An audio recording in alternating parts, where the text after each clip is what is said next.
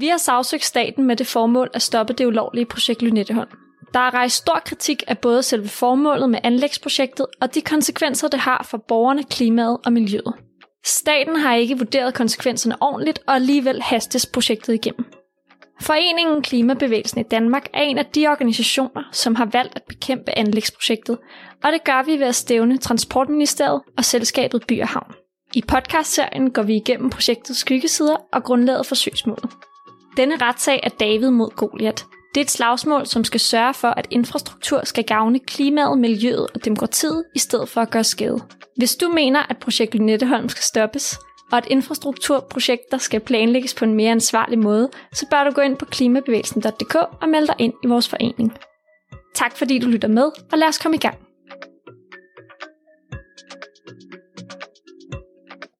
Mit navn er Frederik Sandby, og jeg leder retssagen sammen med vores dygtige advokater.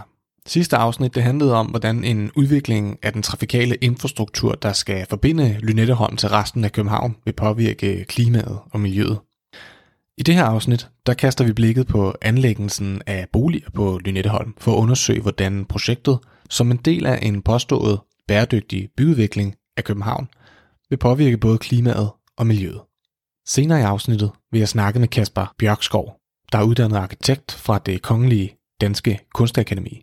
Sammen vil vi søge at få en afklaring på, hvilke effekter og konsekvenser boligbyggeriet på Lynetteholm vil have for klimaet og miljøet, samt undersøge, hvilke bæredygtige alternativer der kunne være til anlægningen af de her boliger. Før vi dykker ned i emnet om Lynetteholm, skal vi først have afdækket, hvad bæredygtig udvikling helt reelt betyder. Ordet bæredygtighed er i dag blevet til et vidt begreb, der ofte sætter rammen for, hvordan diverse projekter, såsom byggeprojekter, skal defineres og implementeres i et samfund. Begrebet bæredygtighed er blevet defineret som en udvikling, hvor opfyldelsen af de nulevende generationers behov ikke sker på bekostning af fremtidige generationers muligheder for at opfylde deres behov. Den her definition overholder projekt Lynetteholm ikke, selvom det bryster sig af at være et bæredygtigt projekt, men det kommer vi mere ind på senere. Ideen om en bæredygtig byudvikling blev for første gang beskrevet i Brundtlandsrapporten i 1987, og dermed kom konceptet om en klima- og miljøvenlig udvikling af byerne på dagsordenen. Med det her koncept tænkes der ikke kun på en nedbringning af byens CO2-udledning, men derimod skal der tages højde for, hvordan byplanlægningen vil påvirke alle aspekter af klimaet og miljøet, såsom naturen og havets biodiversitet og økosystemer. Områder, som projekt Lynetteholm i den grad allerede berører og fremover vil gøre. En måde, hvorpå man kan måle, hvor meget menneskelige påvirkning planeten kan klare, uden at der sker betydelige ændringer i den globale klima- og miljøtilstand, er ved at se på det, der hedder planetære grænser, altså planetens grænser. Hvis en af planetens grænser overskrides, så øges risikoen for uforudsigelige og uoprettelige ændringer i klimaet markant. Derfor er det vigtigt at holde sig inden for de her grænser for ikke at ødelægge planetens klima og miljø fuldstændigt. Dermed fungerer de her planetære grænser som et slags klimabudget over de reduktionsmål, Danmark har sat sig for at opfylde. Selvom bæredygtig udvikling er den rette vej at gå for at sikre, at kloden så de kommende generationers fremtid ikke lider yderligere skade af samfundsudviklingen, så er der mange hensyn, der skal tages i planlægningen af anlægsprojekter som Lynetteholm, og forskellige måder at tilgå sådanne udviklinger på. En ting er dog sikkert, og det er, at resultaterne af udviklingsprojekterne må og skal lede til en minimering af de skadelige effekter på vores klima og miljø. Derfor vil vi nu undersøge, hvilke effekter Lynetteholm har på netop de her områder. Projekt Lynetteholm er Danmarks historiens største anlægsprojekt, der er blevet solgt både til politikere og borgere som et ambitiøst, bæredygtigt udviklingsprojekt, der skal imødekomme flere sociale, klima- og miljømæssige udfordringer i København. Udfordringer, som Københavns Kommune har formuleret inden for fire områder, hvoraf et af dem omhandler behovet for at skabe nye boliger til overkommelige priser, under en formodet tendens om, at et stigende antal tilflyttere til København opstår. En konsekvens ved Lynetteholm er, at der i projektets anlægsfase vil opleves at komme en forøgelse af CO2-udledning. Det er dokumenteret i SMV-rapporten, der også beskriver, at byggeprojektet er planlagt til først at være færdig i 2070, altså om næsten 50 år. Det vil være 50 år med en markant daglig udledning af CO2 og dermed et enormt tab for klimaet. Ifølge SMV-rapporten skal det sikres, at projekt Lynetteholm kan realiseres inden for rammerne af den danske klimapolitik. Samlet set er projektet vurderet til at udlede mellem 300 til 600 tons CO2. Samtidig vurderes der dog i rapporten, at projektets store omfang vil have en uafvendelig negativ påvirkning på klimaet af langvarig karakter. Klimabevægelsen mener ikke, at det her det er en forsvarlig måde at drive byudvikling på, der samtidig skal være bæredygtig, når vi som samfund skal være med til at nedbringe udledningen af CO2. Klimarådet har allerede fastslået, at Danmark nok ikke vil nå målsætning om sin klimamål i 2025, men det her faktum skal ikke være en fribillet for projekter som Lynetteholm til at udlede mere CO2, end der i forvejen udledes. For at det samlede projekt Lynetteholm overhovedet kan realiseres, så må selve øen først anlægges, hvilket kræver en enorm stor mængde af jord. By og Havn har planlagt, at øen skal etableres af overskudsjord, der skal transporteres fra jorddepoter i Nordhavn. Det nyeste tal, der er beregnet, er, at der er brug for ca. 77,8 millioner tons overskudsjord i etableringen af Lynetteholm. By og Havn har vurderet, at det er muligt at skaffe så stor en mængde jord, da der er blevet produceret ca. 2,6 millioner tons overskudsjord om året til jorddepotet i Nordhavn mellem 2013 til 2019. Den her beregning byggede dog på en periode i København med meget høj byggeaktivitet, og dermed en periode, der kunne generere en så stor mængde overskudsjord, der ikke nødvendigvis vil være tilstedeværende de næste mange år. Samtidig ønsker projekt Holmene i Avedøre også muligheden for at benytte sig af den producerede overskudsjord til anlæggelsen af deres projekt. Dermed efterspørges der nu allerede mere jord, end der genereres, hvilket kan få konsekvenser for Lynetteholm og for den tidshorisont, hvormed projektet er sat til at stå færdig i. Ser vi på klimadelen af den her problemstilling, så vil den fortsatte høje byggeaktivitet, der kræves for at generere den store mængde overskudsjord, selvfølgelig bidrage til en forøget mængde af udledning af CO2.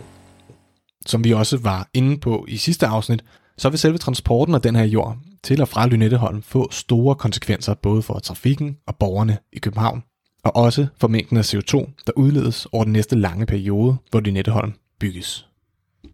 Efter at selve Lynetteholmsøen er blevet skabt, så er et af aspekterne ved projektet, at der skal bygges boliger. I projektet er der på nuværende tidspunkt ikke taget stilling til, hvordan boligudviklingen på øen skal udformes.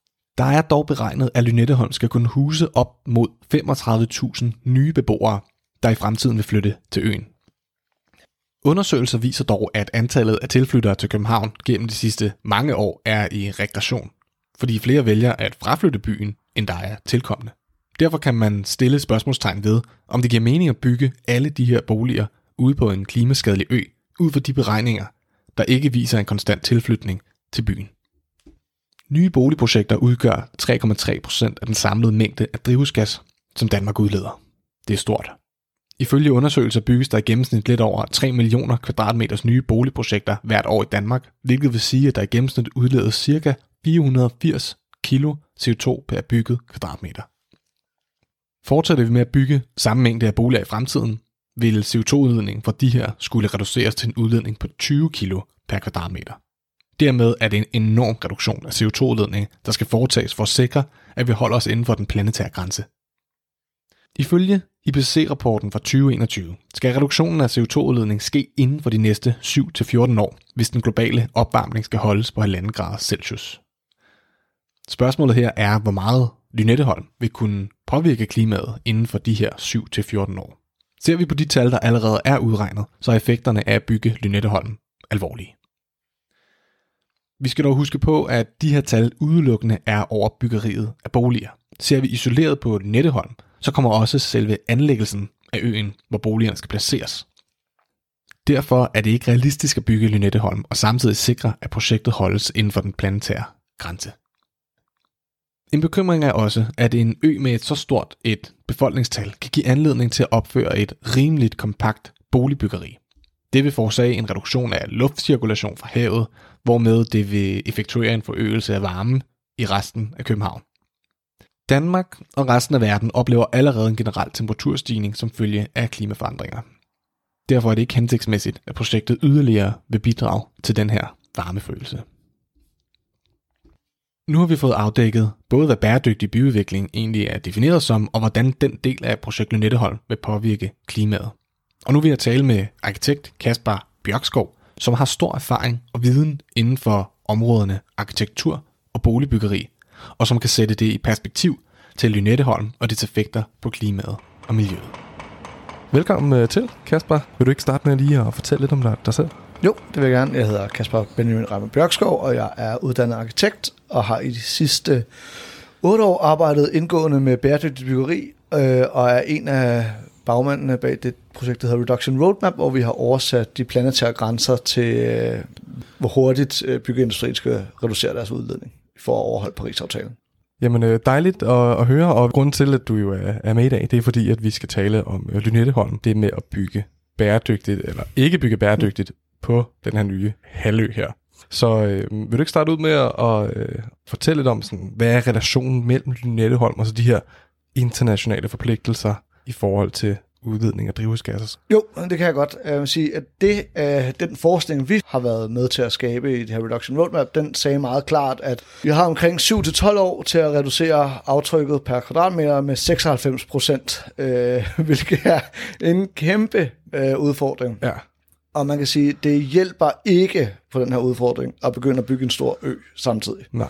Øhm, og hvis man skal skære det helt ud i pap, så har vi ikke så meget CO2-budget tilbage. Og hvis man allokerer byggebranchens andel af det, så er den ikke forenlig. Lynetteholm vil ikke være forenlig med at overholde det budget, hvis vi skal bygge det. Og, og der er ikke nogen mulig måde, og der eksisterer ikke nogen mulig måde at bygge bæredygtigt byggeri øh, på den måde, som Lynetteholm ligger op til. Og noget af det, som politikerne jo har øh, virkelig har solgt projekt Lynetteholm på, det er jo, at der skal bygges boliger, og der skal bo øh, 35.000 øh, mennesker derude, og lige så mange arbejdspladser skal der være plads til. Mm. De har jo så lavet den her øh, miljøkonsekvensrapport, den her SMV her, hvor de har ja, hvor de har kommet med nogle skøn jo egentlig over, hvad, hvad det så koster på klimaregningen. Og, øh, og vi har jo snakket om, øh, og, øh, at du vil kigge på nogle af de tal. Hvad, hvad er din umiddelbare øh, reaktion, når, når man kigger på, på den øh, rapport, de så har lavet der? At den rapport er i bedste fald mangelfuld, i øh, værste fald misvisende med vilje. Fordi at de tal, der står i den, er ikke de reelle udledningstal, vi kender fra byggeriet i dag. Og jeg kan godt prøve at forklare, hvad, hvorfor. Ja. Blandt andet så indeholder den ikke udledningen fra øen, så man kan ikke øh, ligesom benchmark den, øh, som så i andre rapporter er sat 300-1,5 million tons øh, CO2. Og så regner den også kun boligkvadratmeter. Men hvis man laver en by på størrelse med Vejle, uden midt i København, som er det Lynetteholmen er, så skal man jo ligesom også have de funktioner, der hører med til det. Altså der er infrastruktur, der er, som er veje og, og fjernvarmetilslutning, der er skoler, der er erhvervslokaler og alle de her ting. Dem har man heller ikke regnet med. Øh, og så har man i sin boligkvadratmeter taget udgangspunkt i den måde, vi regner LCA på. Og det er jo sådan set meget fint. Øh, men vi ved jo godt, at LCA ikke indeholder alle udledningerne. Vi ved faktisk øh, ret præcist, at det cirka er 50% af udledningerne, der kun er der. Så når de i den her rapport konkluderer, at det er omkring 2-2,5 millioner ton CO2, det vil udlede, så kan man godt sige, at det er det dobbelte. Så for mig at se, er der så mange problemer med den her rapport, som giver et forkert billede af, hvad konsekvenserne i virkeligheden er for CO2-udledningen. Og hvad betyder det så for København som, øh, som den her grønne perle i øh, blandt de store hovedsteder? Ja, det betyder i hvert fald, at København, hvis det skal overholde sit reduktionsmål, aldrig kommer til at komme i mål, og vil være direkte medvirkende til, at vi ikke opfylder Paris-aftalen. Så hvad er alternativ til det? Altså, det man skal måske skal overveje, det er, hvad er det, øh, Lynetteholm prøver at løse for et ja. problem. Og der, der er jo ligesom tre ting, de selv har sagt, og et er at få de her øh, boliger til, øh, til tilflyttere, hvilket jo sådan set er en, en fin nok øh, ting. Og så skal det jo stormflodssikre, øh, som man kan forstå på alle eksperter, at det heller ikke gør. Og det sidste er jo, at vi skal have noget til det her jorddeponi. Og så skulle det også gerne skabe et mere lige boligmarked, hvilket er fuldstændig absurd at sige, at, at øh, så dyre nybyggede boliger vil skabe. Men man siger, hvad skal man så gøre for at løse den her problematik? Hvis man ikke skal tænke linært, som er den her måde øh, By Havn og Københavns Kommune tænker på, hvor man skal sælge en masse byggeretter, så skal man prøve at tænke på det på en lidt anderledes måde. Skal man sige, den mest bæredygtige kvadratmeter, man kan bygge, det er den, der ikke skal bygges, eller den, der skal renoveres. Så øh, der står 5.000 boliger allerede i dag i København, som har, er tomme, og det er enten på grund af, at der er, ikke er bopælspligt, og en anden ting er, at der er nogen, der ikke har... Øh, der er ikke up-to-date, som man kunne renovere og gøre klar. Det vil være en rigtig god måde på det. Så ligger der 20.000 boliger under tagene, hvilket vil være en rigtig god måde at skabe billige boliger, og på samme måde efterisolere de allerede eksisterende bygninger, og dermed reducere øh, udledningen for energiforbrug. Så kunne man fortætte den eksisterende boligmasse. Den sidste ting, jeg vil så sige, det er, man bør nok også som kommune, men også som land, fokusere på, om alle skal bo i København. Man kunne også godt ja. fokusere på, om altså udkanterne og om sammenhængskraften ikke bliver bedre, hvis man også prøver at fordre, at folk faktisk har mulighed for at bo øh, andre steder. Og det er jo ikke kun boliger, som der bliver, der bliver bygget på, med, med Lynetteholm. Du nævnte det også selv, ikke? at der, kom, der kommer infrastruktur og alle mulige øh, andre ting. Ja. Det gør jo immer væk også noget, at man i stedet for at kan man sige, anlægge en ny halvø, at man så tættere. Øh, og så anvender den infrastruktur, der allerede er. Noget af det, som de kommer med i den her miljøkonsekvensrapport, tænkte jeg faktisk var rigtig fint, og det var, at de lavede sådan et, øh, det der hedder et nul-alternativ. Men har du kigget på den her nul-alternativs øh, model her, eller noget omkring de tal der? Ja, jeg har kigget på den, og øh, den benchmarker ud. Altså det, det er et scenarie, det sætter op i stedet for. Det er et scenarie, som øh, altså ikke findes. Det, det er ligesom et scenarie, der er tænkt til at være det værst mulige scenarie. Altså det fordrer ligesom, at man i stedet for at bygge på Letterholm, bygger dem som etageboliger rundt omkring på Sjælland. Fuldstændig velvidende, at man ikke bygger etageboliger i udkants Danmark. Du vælger ligesom den mest udledende typologi at sammenligne med i nogle steder, som du ikke vil bygge den. Så du, du, kunne næsten, du kan ikke have lavet et dårligere scenarie. Jeg, jeg kan faktisk ikke selv kunne tænke på et dårligere scenarie, end det, de stiller op mod det. Så på den måde kan man jo få Lynetteholmen til at se øh, god ud, uanset hvad. Og det de jo så gør, øh, det er jo, at de, ikke nok med, at de sætter det her nul-scenarie op, men, men de regner dem så mod hinanden. Ja. Så når de skal sige, hvor meget udleder Lynetteholmen af drivhusgasser, så minuser de de tal, og siger så, jamen altså, hvis vi havde bygget den på den her meget klimabelastende måde ude i udkants Danmark og med de her meget udledende øh, boligformer, så havde det udledt så meget, og Lynetteholm udleder så noget mindre i deres øh, scenarie her. Ja. Og når man så minuser de to, så når man frem ja. til, at Lynetteholm så bliver nærmest positiv for ja. klimaet. Og det sjove er, at den bliver positiv for klimaet på boligprogrammet, hvis man ligesom vælger at godtage deres scenarie. Men havde man så taget resten med, som infrastrukturen, som øh, erhvervet, som alle de her servicefunktioner skal til, så havde du også set, at det var dårligt for klimaet. Så, så man har bevidst lavet et scenarie, der var dårligst muligt, og havde man så regnet rigtigt, har man set, at det faktisk stadig var dårligt. Hvis man er et stort ingeniørhus som Rambøl, så bør man have røde ører, når man ser sådan en rapport, at man ikke, der ikke er nogen, der ligesom siger, at det her, det går ikke. Fordi det er, altså, det er så horribelt. Men det er vel bare politisk bestemt, at man har sagt, nu skal I høre, øh, vi, vi, vi hyrer et konsulentfirma, og så vil vi have til at regne på, at hvis vi havde bygget sådan og sådan, så målte op imod at bygge sådan og sådan. Ja, jo, det, det, det kan man godt sige, men man, men man har vel jo stadigvæk en eller anden form, det vil jeg i hvert fald sige, man har en eller anden form for faglighed, så du siger, at øh, okay, skal vi ikke lave et scenarie, der er lidt mere realistisk? Ja. Fordi selvfølgelig er det ikke realistisk, at alle øh, kvadratmeterne bliver ender ude i Nørre Snedum øh, et, et etagebyggeri. Altså det, det, det giver slet ikke nogen mening. Nej. Øh, hvis du kigger på dataen, så vil det slet ikke være den typologi, der bliver bygget. Og øh, vi var inde på det før, det her med, at man kan få tætte, og man kan bygge taglejligheder udnytte pladsen. Øh, den måde at få klimavenlige og, og billige øh, boliger øh, i København. Men hvis man tænker mere generelt omkring det med at bygge boliger, hvad kan man så sige omkring det med at skulle bygge bæredygtigt eller klimavenligt? Altså hvad er metoden til at gøre det? Altså metoden til at gøre det, det er først og fremmest at, at reducere kvadratmeter antal, vi bor på. Og okay. det er den mest effektive, fordi vi bor på alt for mange kvadratmeter. Øh, den næste, det næste, du skal tænke på, det er, hvad er det for nogle materialer, vi bygger med. Øh, og der, der har vi rigtig mange øh, gode alternativer. Altså der findes allerede, vi kan, rigt, vi kan komme rigtig langt ned, hvis vi vil. Ikke i etagebyggeri dog, for der er en masse bankkrav, øh, men vi kan komme rigtig langt ned i, øh, i de andre typologier. Så vi skal bruge hurtigt biogene biogen materialer. Træer.